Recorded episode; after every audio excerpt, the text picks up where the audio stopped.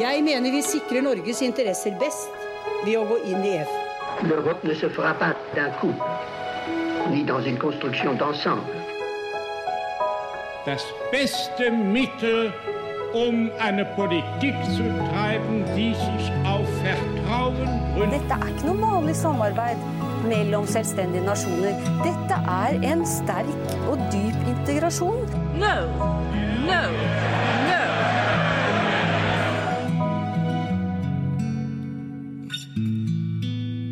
Lise. Hallo, Kristine. Nå er vi tilbake i studio, og vi skal snakke om en veldig spennende person i historien til det europeiske integrasjonsprosjektet. For i 2022 så kan vi markere flere jubileum som er relatert til EU, og et av dem, eh, og det jeg vil påstå at er det viktigste, det er at det er 70 år siden det europeiske kull- og stålfellesskapet ble etablert, forløperen til det som vi i dag kjenner som EU, og det skjedde i 1952.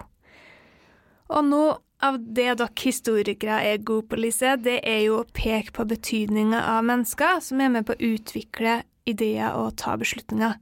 Og en person som absolutt har hatt mye å si for utviklinga av det som etter hvert har blitt til EU, det er Jean Monnet.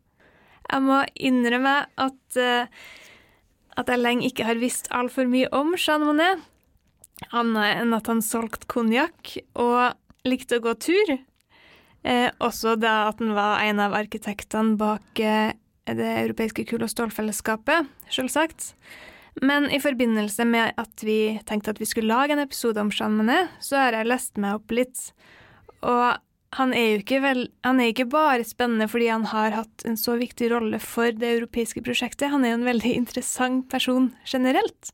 For når jeg leser om Jean Monnet, så, så en av assosiasjonene jeg fikk, det var kanskje til en slags Forest Gump.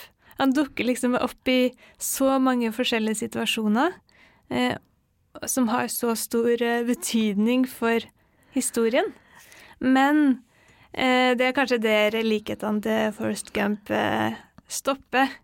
For Ja. hvordan, hvordan skal vi beskrive Jean Monnet, Lise? Hvem var han? Jeg må innrømme at jeg har, eh, har aldri tenkt i de banene, men kanskje, ja. Eh, Jean Monnet er, i alle fall for meg, så er han den fremste arkitekten bak det samarbeidet vi i dag kjenner som EU. Det er jo han som utarbeider forslaget som blir til det aller første av de europeiske fellesskapene, det europeiske kull- og stålfellesskapet, som du nevnte. Og, og ja, han er kanskje en slags Forest Gump. Han uh, har i alle fall en veldig mangfoldig en veldig mangfoldig bakgrunn som han eh, drar nytte av eh, når den andre verdenskrig til slutt er over. Jeg har sett at Store norske leksikon beskriver ham som en økonom og diplomat, men det som kanskje er mest interessant, er at han, eh, han er litt vanskelig å plassere i én kategori. Han, han beveger seg mellom de ulike eh, samfunns... Eh, hva skal man si? Ikke lagene, men Sfærene? Ja, ja det, gjør han, eh, det gjør han absolutt. Og ja, han er kanskje vanskelig å plassere. eh, Men én ting som er viktig å understreke, er jo at han var ingen politiker. Han eh, han stilte vel aldri til valg. Han stilte aldri til valg. Han var, han var mange ting. Han var en næringslivsmann. Han jobba mye med, ja, med planlegging, med forsyning eh, under begge verdenskrigene. Han, eh, han hadde erfaring fra Folkeforbundet, og han blir en veldig, veldig sentral aktør i Frankrike etter den andre verdenskrig. Det, det kommer vi tilbake til, tenker jeg. Men, men Jean Monnet er i det hele tatt en interessant inngang for å diskutere enkeltmennesket. eh, og enkeltmennesket sin evne til å prege historia, eller forholdet mellom aktør og struktur, om du vil. Vi kan jo starte med starten på Jean Monnet sitt liv, for å, se litt hvordan hans erfaringer og, det samfunnet han vokser opp i, eh, er med å prege eh, det som etter hvert skal bli ideen om, om det europeiske prosjektet. Og Jean Monnet var jo utgangspunktet tenkt at skulle bli en, en handelsmann innen konjakk. Han ble født i 1888 i, i november 1888 i Frankrike, i regionen Cognac. Ikke så langt unna vestkysten av Frankrike. Og konjakk er jo et kjent navn for de fleste. Og familien til Monet de handla jo nettopp med konjakk. Og det var en ganske velstående familie han kom fra, og et veldig internasjonalt orientert område. Mm. Ja, jeg har sett bilde av eh, Monet sitt barndomshjem, og det, det ser sånn ut. Han eh, ja, han eh, som ganske ung gutt, da han var 16 år, så ble han sendt av faren sin som lærling til en forretningsforbindelse av faren i City i London. Men derfra så drar han til Nord-Amerika.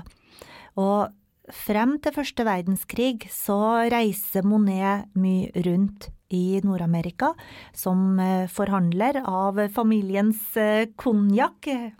Han representerer familiefirmaet. Eh, og i denne perioden så dels så knytter han mange kontakter som skulle bli viktig for han seinere, og dels så lar han seg òg imponere av den amerikanske mentaliteten. Han, han, skriver om det her i memoarene sine. Han skriver at han mener at folk i dette området i større grad har tillit til hverandre, og han skriver om en sånn større vilje til å akseptere endring, da, enn det han kanskje kjent hjemmefra.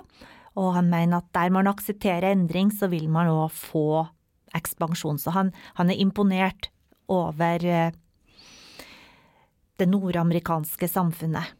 Og den tilknytninga til Amerika, både eh, kulturen og personer, det skal jo bli veldig viktig etter hvert. Det blir veldig viktig. Det er sagt om Monet at han var eh, ja, han var definitivt en franskmann med best kontaktnett i USA, og det eh, det kommer til god bruk seinere i livet, seinere mm. i karrieren. Det tar jo ikke så lang tid før det, det blir viktig for Monet, for da han er han er vel 25-26 eh, år da første verdenskrig bryter ut. Og han blir ikke Han blir erklært ikke stridsdyktig fordi han har en nyrebetennelse. Og da må han jo gjøre noe annet. Og, og Jean Monnet han, han så behovet for å sikre krigsforsyninga til Frankrike, og tok initiativ til å gjøre noe med det. Og det her syns jeg er kanskje det første punktet som, som, eh, er veldig fascinerende ved Monet. Fordi det han gjør, da, det er at han tar kontakt med den franske statsministeren direkte. For å si at det her vil han jobbe med. Ja, det er kanskje det, det første stedet som det virkelig er verdt å, å, å dvele ved. Han tar ikke Jeg tror ikke han gjør det helt sjøl, men han, har, eh, han, han, går via en, en, venn av sin far. Eh, så, og via han da, så kommer han i kontakt med den franske statsministeren Viviani, som altså velger å sende Monet til London for å delta i den sivile franske forsyningstjenesten. Og nå var det antagelig ikke tilfeldig at, at Eh, det handla ikke bare om Monet sitt pågangsmot. Ehm, det hadde nok også sammenheng med at han hadde relevant erfaring. Ehm, allerede i 1914 så hadde Monet tatt initiativ til en avtale mellom eh, det her britiske selskapet Hudson Bay Company og det franske handels- og forsyningsdepartementet. Poenget med denne avtalen var at Hudson Bay skulle handle inn varer som skulle gå til franske sivile formål. Og Monet han hadde samarbeida med Hudson Bay da han reiste rundt og, og eh, solgte konjakk, og kunne da trekke veksler på eh, gode kontakter inn i det firmaet. Så Hudson Bay Company det inngikk senere avtaler med både Belgia, Russland, Romania osv. I løpet av krigen i løpet av den første verdenskrigen så frakter dette firmaet 13 millioner tonn varer til Europa. Og det mister 110 fartøy. Eh, det var et viktig ledd i den kjeden som bidrar til at eh, de landene som står på motsatt side av Tyskland, vinner krigen. Så allerede under første verdenskrig så er jo det med økonomisk samarbeid på tvers av, av landegrensa viktig for Monet, men også for, for landene i stort. Ja. Og det var ikke gitt at man skulle få det til heller. Altså han øh, jobber jo, samarbeider jo med, med Storbritannia. Um, og, og, det var ikke gitt. Det var ingen tradisjon for et sånt samarbeid mellom, uh, mellom land uh, under krig. Men så var det heller ingen tradisjon for en så langvarig krig i så stor skala som det man fikk med første verdenskrig. Mm. Men en annen ting, tenker jeg, som um, jeg syns er interessant, er at Frankrike og Storbritannia sto også for helt ulike tradisjoner i handelspolitikken. Frankrike var proteksjonistisk, eh, mens for Storbritannia så var, så var frihandel nesten hellig. Eh, og Frankrike hadde veldig gode grunner for å ønske et samarbeid med britene. De hadde lidd større tap, de hadde en svakere industri enn det Storbritannia hadde, og Storbritannia kontrollerte da med sin flåte ja, mm. de, hadde, de, hadde, en sterkere flåte enn det, enn det, Frankrike gjør. For også etter krigen, når krigen var ferdig, så var det en tanke hos Monet og hos uh, hans uh, kollega, eller overordnede, ja, ja. om at de skulle fortsette med med fransk-britisk samarbeid om det her. Ja.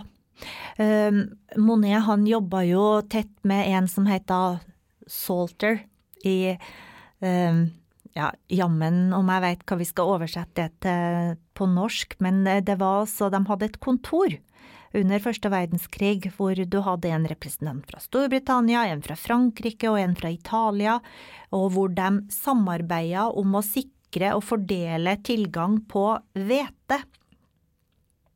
Eh, og det lyktes de ganske godt med. De, eh, det her systemet det, det sikra tilgang på korn, og det holdt prisene lavere enn hva de ellers ville ha vært. Og det gjorde òg at man kunne, det at man samarbeida, gjorde òg at man kunne utnytte fraktkapasitet bedre. Og det her systemet det blir, det blir utvida. Først man starter med hvete, og så utvider man til alle typer korn. Og mot slutten av krigen så, ja, så regulerer det forsyningene til en lang rekke land, også land som ikke deltok i krigen. Så det var et stort og viktig skritt i retning samarbeid, i retning et sånt koordinert samarbeid. Og Salter og Monet de fortsetter også eh, samarbeidet sitt etter, etter den første verdenskrigen. Men selv om, selv om det er et ønske fra eh, iallfall enkelte eh, aktører i Frankrike om å fortsette det økonomiske samarbeidet med Storbritannia etter krigen, så blir ikke det noe av det større samarbeidet som bl.a. Monet ønsker. Nettopp fordi det er så ulike interesser mellom Frankrike og Storbritannia, som du peker på, Lise. Ja, nei, det blir ingen fortsettelse. Altså, Storbritannia ønsker det ikke, og USA er heller ikke, ikke noe opptatt eh, av det her. Men nå, nå, skal ikke vi grave oss helt ned eh, i, eh, i, Frankrike etter den første verdenskrigen. Men det er, noen, det er også noen interessante likhetstrekk mellom det Frankrike ønska da, og det Frankrike legger fram etter den andre verdenskrig. Mm. Forskjellen er at den internasjonale konteksten er en annen. Etter første verdenskrig så får ikke Frankrike gjennomslag, men etter andre verdenskrig så har man nå den kalde krigen. Mm. Og det For det som, det som skjer etter første verdenskrig, det er jo kanskje først og fremst at man oppretter Folkeforbundet. Det er det som er tenkt at skal være løsninga på, på problemene i Europa. Ja. Etter første verdenskrig eh, opprettes Folkeforbundet, og der begynner Monet å jobbe som, som visegeneralsekretær, faktisk. Og, Folkeforbundet jobba jo med ulike spørsmål, men de fikk annet i oppgave å finne en løsning på de territorielle konfliktene som Versailles-traktaten ikke hadde funnet en løsning på. Og det var de her eh, Det her jobba Monet særlig med.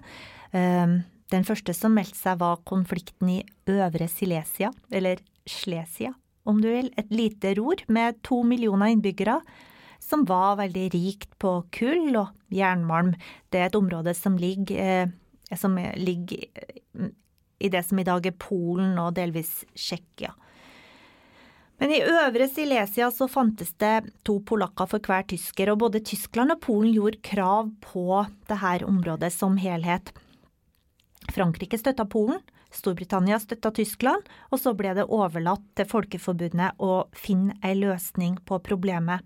Og det var Monet som produserte, eh, skrev den rapporten da, som la fram en løsning. Han foreslo å dele området i to, og opprette to nye institusjoner som skulle styre området i 15 år. Det ene var en sånn felles polsk-tysk kommisjon, og det andre var en domstol. Dette var en avtale som ble inngått i 1922. Det var en eh, omfattende avtale, langt mer omfattende faktisk enn Versailles-traktaten, som hadde 440 artikler, tror jeg, mens eh, den her hadde over 600. Eh, men den fikk nå i alle fall på plass et system som fungerte i de 15 årene det skulle fungere.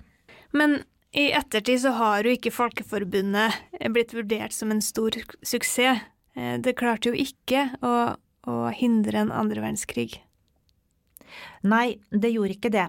Og når Monet senere så tilbake på Folkeforbundet, som han forlot i 1923, så omtalte han Folkeforbundet sin politikk som, og jeg siterer, små løsninger på store problem. Um, og hans etterlatte inntrykk, om vi skal kalle det det, var at det var ikke nok. Altså, troen på at det å handle riktig ville føre fram, det, det, det, var, det var bare ikke tilstrekkelig. Så Monet han reiste fra Genéve, han reiste fra Folkeforbundet, og han dro hjem igjen til Frankrike for å ja, gjøre ny innsats for denne konjakkbedriften mm. som var i ferd med å gå konkurs. Men før vi går videre med det, så en ting som jeg syns er verdt å dvele litt ved, det er jo og denne tanken om overstatlighet. Og jeg tror det er i memoarene sine at, eh, at, Monet skriver det at overstatlighet, det var ikke tankene til noen i denne perioden. Nei. Ikke hos han, ikke hos andre. Nei, det tror jeg stemmer. Det var, det var ingen som på dette tidspunktet, heller ikke Monet, eh, som så for seg eh, et overstatlig alternativ til det mellomstatlige samarbeidet som utspilte seg i Folkeforbundet. Mm, men utfordringene, problemene, var tydelige der. Og det, det peker Monet også på, at f.eks. muligheten til å legge ned veto i Folkeforbundet var, var, en stor utfordring, som gjorde at man ikke klarte å løse de problemene man hadde. Helt klart. Man, eh, Folkeforbundet løste en del problem, eh, men eh, det bidro det, det, lyktes jo ikke som du I det aller viktigste. Ja. Det lyktes jo ikke i å sikre freden. Men som du sier, Lise, så gikk jo Monet bort fra Folkeforbundet og tilbake til næringslivet. Tilbake til konjakken. Og han, han, kommer jo tilbake til et familieselskap som er i store problemer, fordi markedet har endra seg såpass mye, um, også som følge av krigen. Men han lykkes også her mye på grunn av kontaktene sine med Hudson Bay Company, eksempel, med å få eh, firmaet på beina igjen. Og etter det så, så, går han over i en annen fase i karrieren sin. Han begynner å jobbe for en amerikansk bank. Han ender opp i Kina og jobber med investeringer der um, i en periode. Han er også med å forhandle låneavtaler med, med Polen og Romania, som, som, minner en del om låneavtaler man ser etter verdenskrig, som eh, Det internasjonale pengefondet um, står bak. Men det som er viktigst i denne perioden, er jo kanskje det at han, han bygger videre på det store nettverket sitt. Et eksempel er Plevan, som senere skulle bli statsminister, eh, statsminister i Frankrike, som, som jobba som assistent for Monet. Så det er kanskje det som er viktigst i denne perioden, at den, bygger videre på nettverket. Ja, jeg tror, jeg tror, vi kan si at hvis vi ser bort fra denne eh, konjakkbedrifta, så har alt det som Monet foretar seg etter 1914 en, en slags fellesnevner i det at han, han, jobber med offentlige oppgaver av politisk karakter, og som innebærer økonomisk samarbeid eller økonomisk reform. Men så skifter en beite igjen.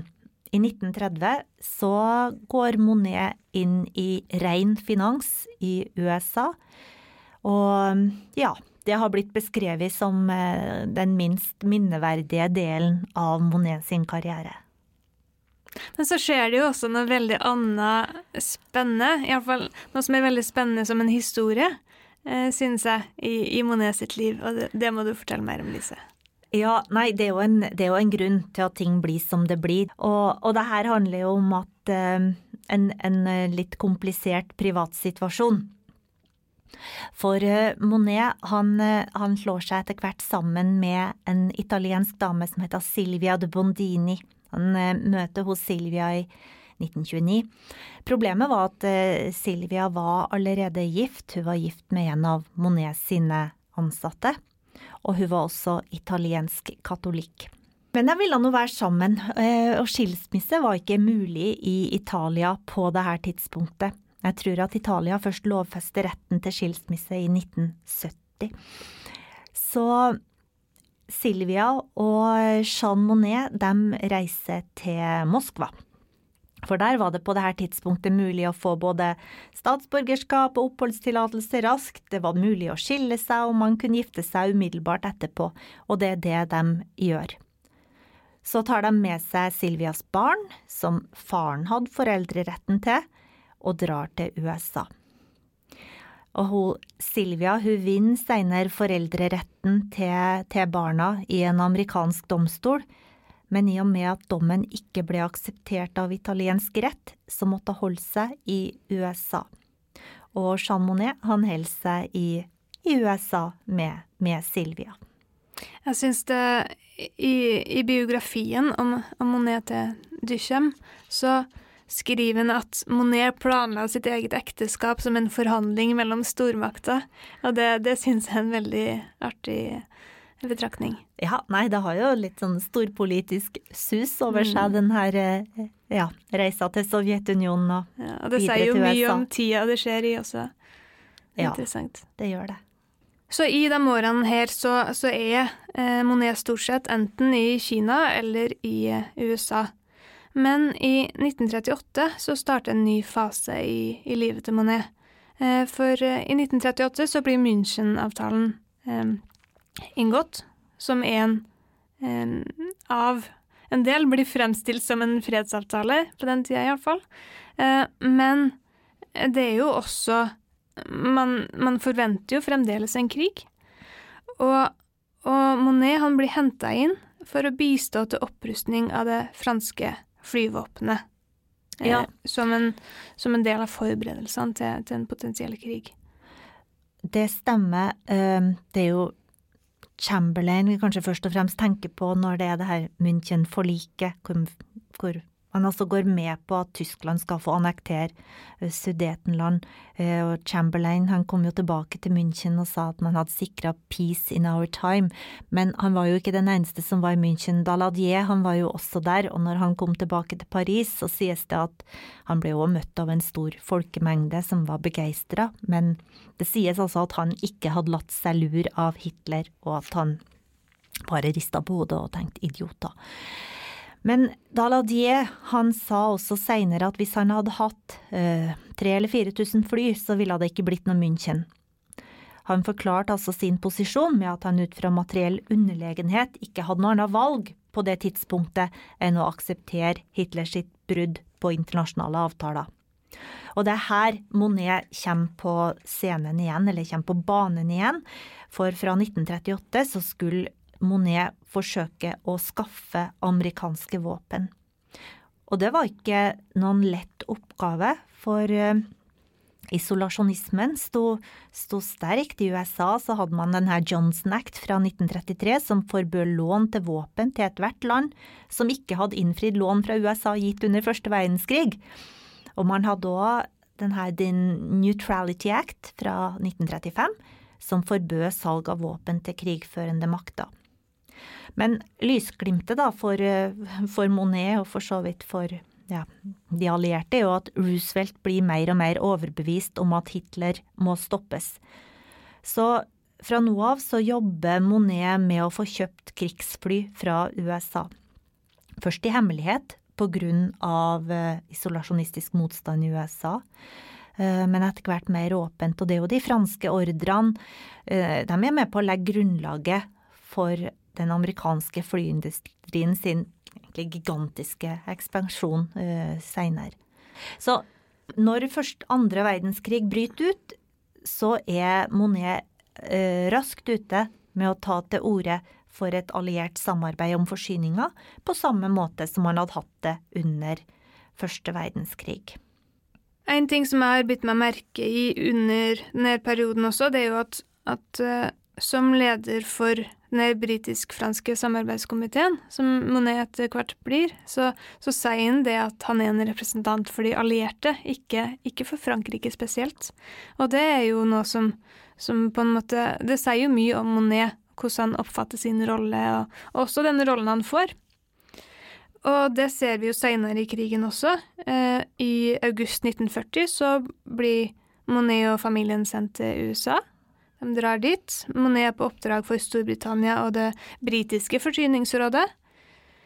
Og, og det er også eh, spennende at en franskmann drar som britisk representant, og det var jo heller ikke bare godt mottatt på den tida. Franskmenn var jo ikke spesielt høyt ansett i, i 1940, eh, etter, at, eh, etter at de hadde gått ut av krigen, egentlig. Og det var en del som var ekstra skeptisk til Monet fordi han ikke var tydelig tilhenger av de Gaulle, som leda den franske eh, motstandsbevegelsen. Mm. Ja, nei da, men eh, Monet han hadde jevnt over god eh, standing i USA, og ja, under andre verdenskrig så kan vi kanskje trekke fram to oppgaver som han hadde som spesielt viktig. Det ene var jo at han var sentral i både forberedelsene og gjennomføringa av Roosevelt sitt Victory-program, som altså skulle gjøre USA klart for krig. Og det andre er jo eh, hans arbeid i Algerie, hvor han eh, jobber for å forene de frie franske styrkene og med å skaffe våpen til denne ytre greina av den franske motstandsbevegelsen, om du vil, som eh, de Gaulle samla sammen i Algerie, Nord-Afrika, ja, fra 1943, tror jeg. Mm. Også der var jo Monet en, en, en samlende person. Eller en av oppgavene hans var jo på en måte å samle de ulike leirene i, i den franske motstandsbevegelsen. Men, men det som skjedde i Nord-Afrika, er jo også spennende av en annen grunn. I Algerie så, så, var jo eh, Monet sammen med mange personer som skulle bli viktige for eh, etterkrigstidas Europa. Og det var jo mange diskusjoner om hva løsningen for tida etter krigen skulle være. Men felles for diskusjonene var jo eh, kanskje stort sett at man, man så på Ruhr-området og, og Lorraine som et slags arnested for problemene i Europa. Um, fordi kullproduksjon og stålproduksjon eh, var veldig avhengig av de her områdene, og det gjorde til, til områder som det ble mye konflikt over. Og um, en ting som er viktig å si, det er jo at Monet var jo ikke den eneste som løfta fram ideer eh, om hvordan man skulle løse det, men vi ser jo at Monet i 43 allerede sier det at han ser for seg én økonomisk enhet i Europa med frihandel, eh, der kull og stål skal være under internasjonal autoritet. Så allerede der så ser vi at det er noe som begynner å ligne på det europeiske kull- og stålfellesskapet. Ja, det er det. Det er mye som, eh, det er mye som peker fremover. Faren for oss er kanskje at det blir fort det eneste vi ser, det som, det som peker framover. Men det er, jo, det er, jo, helt riktig som du sier, det er jo ingen tvil om at det her, det her liksom råvarerike området hva ble en kilde til konflikt da, som måtte, det måtte løses på, noen, på noe vis. Mm. Um, for det er, jo, det er, jo, mye som skjer i denne perioden, og det er mange interesser som skal tas hensyn til. Og Eh, når krigen er ferdig, så, så, kommer det jo flere initiativ. Vi har Europarådet, eksempel, og, og det er et veldig sterkt press fra USA om at uh, man må få til europeisk samarbeid. Og etter hvert som um, den kalde krigen vokser fram, så ønsker jo også USA et sterkt Vest-Tyskland som en slags barrikade mot, mot øst, mens Frankrike samtidig ønsker kontroll over Ruhr-området. Så så hvis vi legger det her eh, større bakteppet litt unna, eh, og går tilbake til Monet, så, så, så blir jo han eh, i første ledd veldig involvert i, i den franske gjenoppbygginga etter krigen. Ja, du kan si Monet var på en måte arkitekten bak det første europeiske fellesskapet, men han er òg arkitekten bak den franske planleggingspolitikken etter eh, andre verdenskrig, og den her første av de store planene som er kjent da som Monet-plan. Og ja, nå har vi snakka mye om eh, Monet sin interesse for internasjonalt samarbeid, men umiddelbart etter andre verdenskrig så er det nasjonale utfordringer som, som står i sentrum for, for, Monet og for Frankrike. Men igjen så er jo forholdet til USA veldig viktig for at Monet får den rollen, fordi Frankrike er så avhengig av, av dollar, av, av, midler fra USA, for å, for å bygge opp igjen økonomien. Ja, det er, jo, det er, jo, det som skjer. Altså Frankrike legger en plan for hvordan landet skal gjenreises etter to verdenskriger og ei økonomisk krise. Og, og, det vi må huske, er at frem til midten på 50-tallet så var det Frankrike som var betrakta som Europas problemøkonomi. Var, de, de, hadde ikke, de, hadde ikke, fått det til. Verken venstre- eller høyrekoalisjoner hadde fått Frankrike ut av, skikkelig ut av krisa i mellomkrigstida. Så, og resultatet av det her, det er at når andre verdenskrig bryter ut, så var den franske økonomien, i motsetning til alle andre utvikla land med unntak av USA, svakere enn det den hadde vært i 1929. En annen ting som iallfall jeg oppfatter som, som er veldig sentralt i denne perioden rett etter krigen i Frankrike, det er jo at, at det er veldig kaotisk politisk. Eh, og at det nettopp derfor også er viktig at man har en slags plan i bunn. Ja, nå visste de vel ikke riktig hvor, hvor, kaotisk det skulle bli, men det er klart at etter krigen så går vi inn i den fjerde franske republikk, og den er jo kjent for å være notorisk, notorisk ustabil. Men eh, den moderniseringa av den franske økonomien av den franske industrien.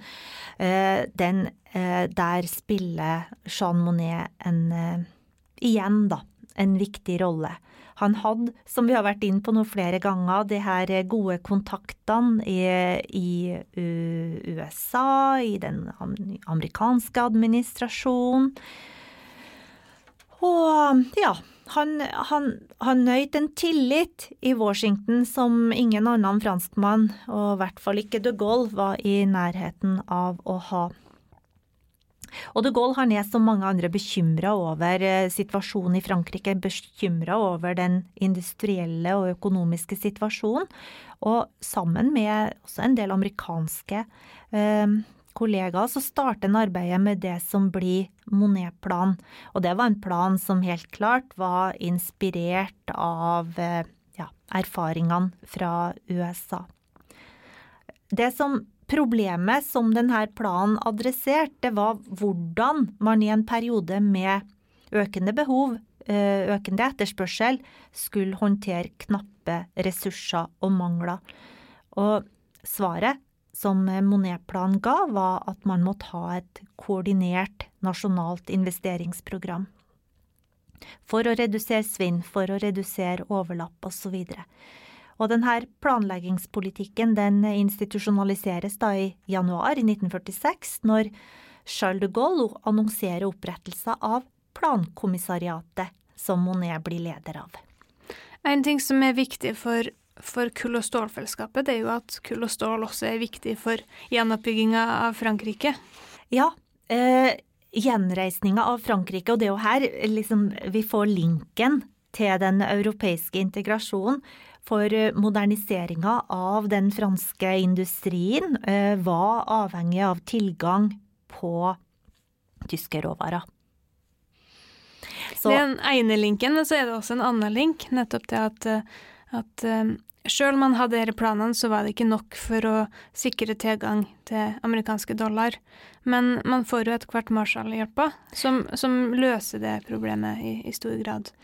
Ja, du kan si at først så forhandler jo landene fram, de har liksom opererer litt sånn på egen hånd. Og forhandler frem lån med, med USA. Så får du Marshall-hjelpa, som lanseres i 1947, og som eh, vare ut 1952.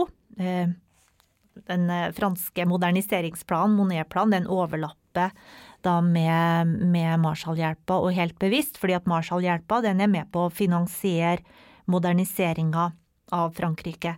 Men så har vi jo den kalde krigen, og USA blir mer og mer opptatt av at eh, Vest-Europa må være sterkt og i stand til å stå imot kommunistisk eh, ekspansjon.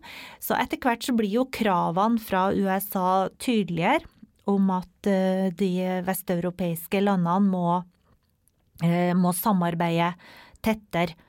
Og da dukker det opp litt sånn ulike forslag. Man er jo nølende, også fra fransk side, eh, til å Det er ikke det første forslaget som kommer på bordet, for å si det sånn, at man skal samarbeide tett med Tyskland.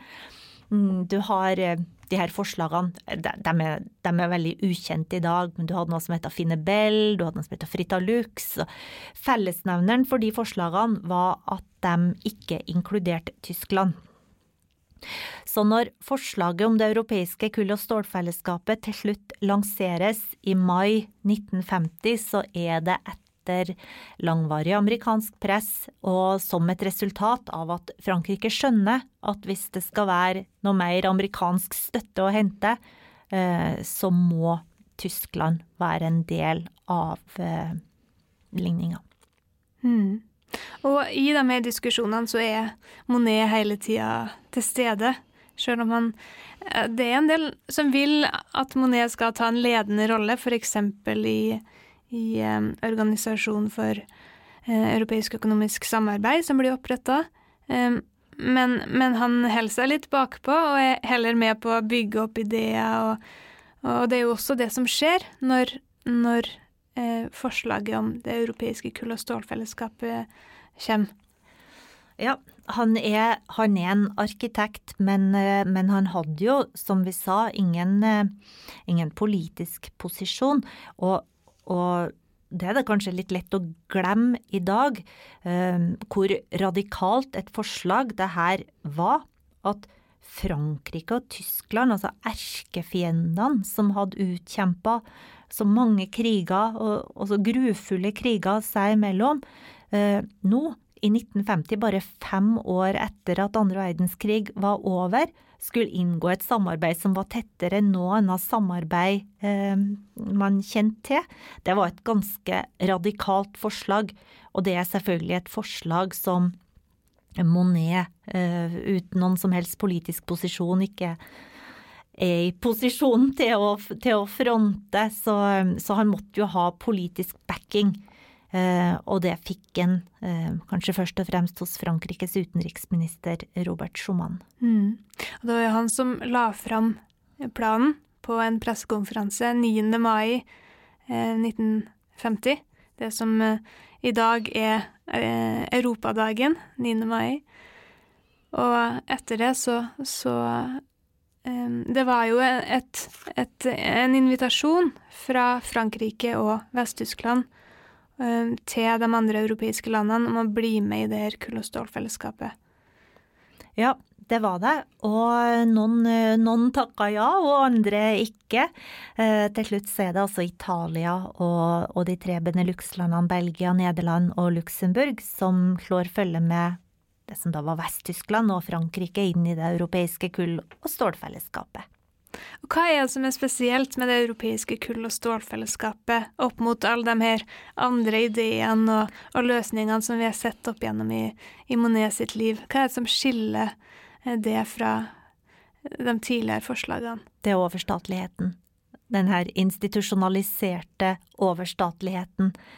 For i dag så finnes jo ikke kull- og stålfellesskapet lenger, men de institusjonene som ble oppretta med det her samarbeidet, dem dem gjenkjenner vi eh, fremdeles i, i den institusjonelle arkitekturen i dagens EU.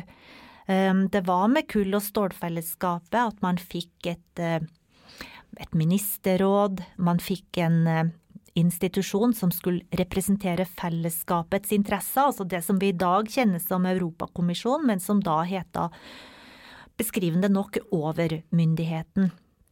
Man fikk en domstol, og man fikk en eh, parlamentarikerforsamling som peker frem mot dagens Europaparlament. Og, så man fikk på plass den her institusjonelle arkitekturen eh, som, eh, som, lever videre den dag i dag, og man innførte overstatlig samarbeid. Altså, altså de her institusjonene kunne ta beslutninger som var bindende også for land som motsatte seg dem. Og det var noe helt nytt, og det er fremdeles det som fremfor alt skiller EU-samarbeidet fra andre internasjonale samarbeid. Hvis vi skal oppsummere eh, Jean Monnet sin rolle i det her, hva er det som gjør at han, han blir så sentral? Hva er det som kjennetegner måten han jobber på? Han er i hvert fall villig til å tenke nytt, og, og han evner, som du pekte på i stad, å heve seg over nasjonale interesser, eller kanskje heve seg over nasjonale interesser, men han Jobber ser på at tvers av dem? Ja, eller han ser at uh, samarbeid er nødvendig for å realisere nasjonale interesser, og han ser det kanskje tydeligere enn mange andre i samtida, og han ser også hvordan man kan organisere samarbeid for å, for å gjøre det effektivt. Så kan man si mye om baksida av effektive samarbeid, men, men, det tror jeg vi har snakka litt om før. Mm. Så handler det jo mye om måten han, han eh, blir kjent med folk på, og, og klarer å, å, knytte nettverk og kontakter, og, og bruke dem videre. Det, det, er også noe som går veldig igjen i hele historien her. Ja, det er i det hele tatt veldig mye som bringes sammen i det europeiske kull- og stålfellesskapet. Erfaringer fra USA, erfaringer med sånn alliert forsyningssamarbeid under, under begge verdenskrigene. Erfaringene på godt og vondt fra, fra Folkeforbundet. Alt det her, alt det her kommer, kommer sammen, og han drar alltid Eh, som du sa, veksler på det her gode amerikanske kontaktnettet sitt. Mm. En ting som har slått meg når jeg har holdt på å lese dem sammen, det er jo at uh, Jeg lurer på om vi hadde hørt om han, om han ikke hadde blitt så avgjørende for, for uh, det europeiske prosjektet. For han har jo bidratt til så mye før det også, men alltid i kulissene. Det er jo først, først med det europeiske kull- og stålfellesskapet han virkelig tar en en, en uh, utadvendt rolle som, som, leder for uh, overmyndigheten. Den første lederen for overmyndigheten. Ja. Nei, godt poeng. Uh, det kan veldig godt hende at vi aldri hadde hørt om Jean Monnet her i Norge om det ikke var fordi han har blitt løfta fram, og med rette, vil jeg si, som, som arkitekten bak det europeiske kull- og stålfellesskapet.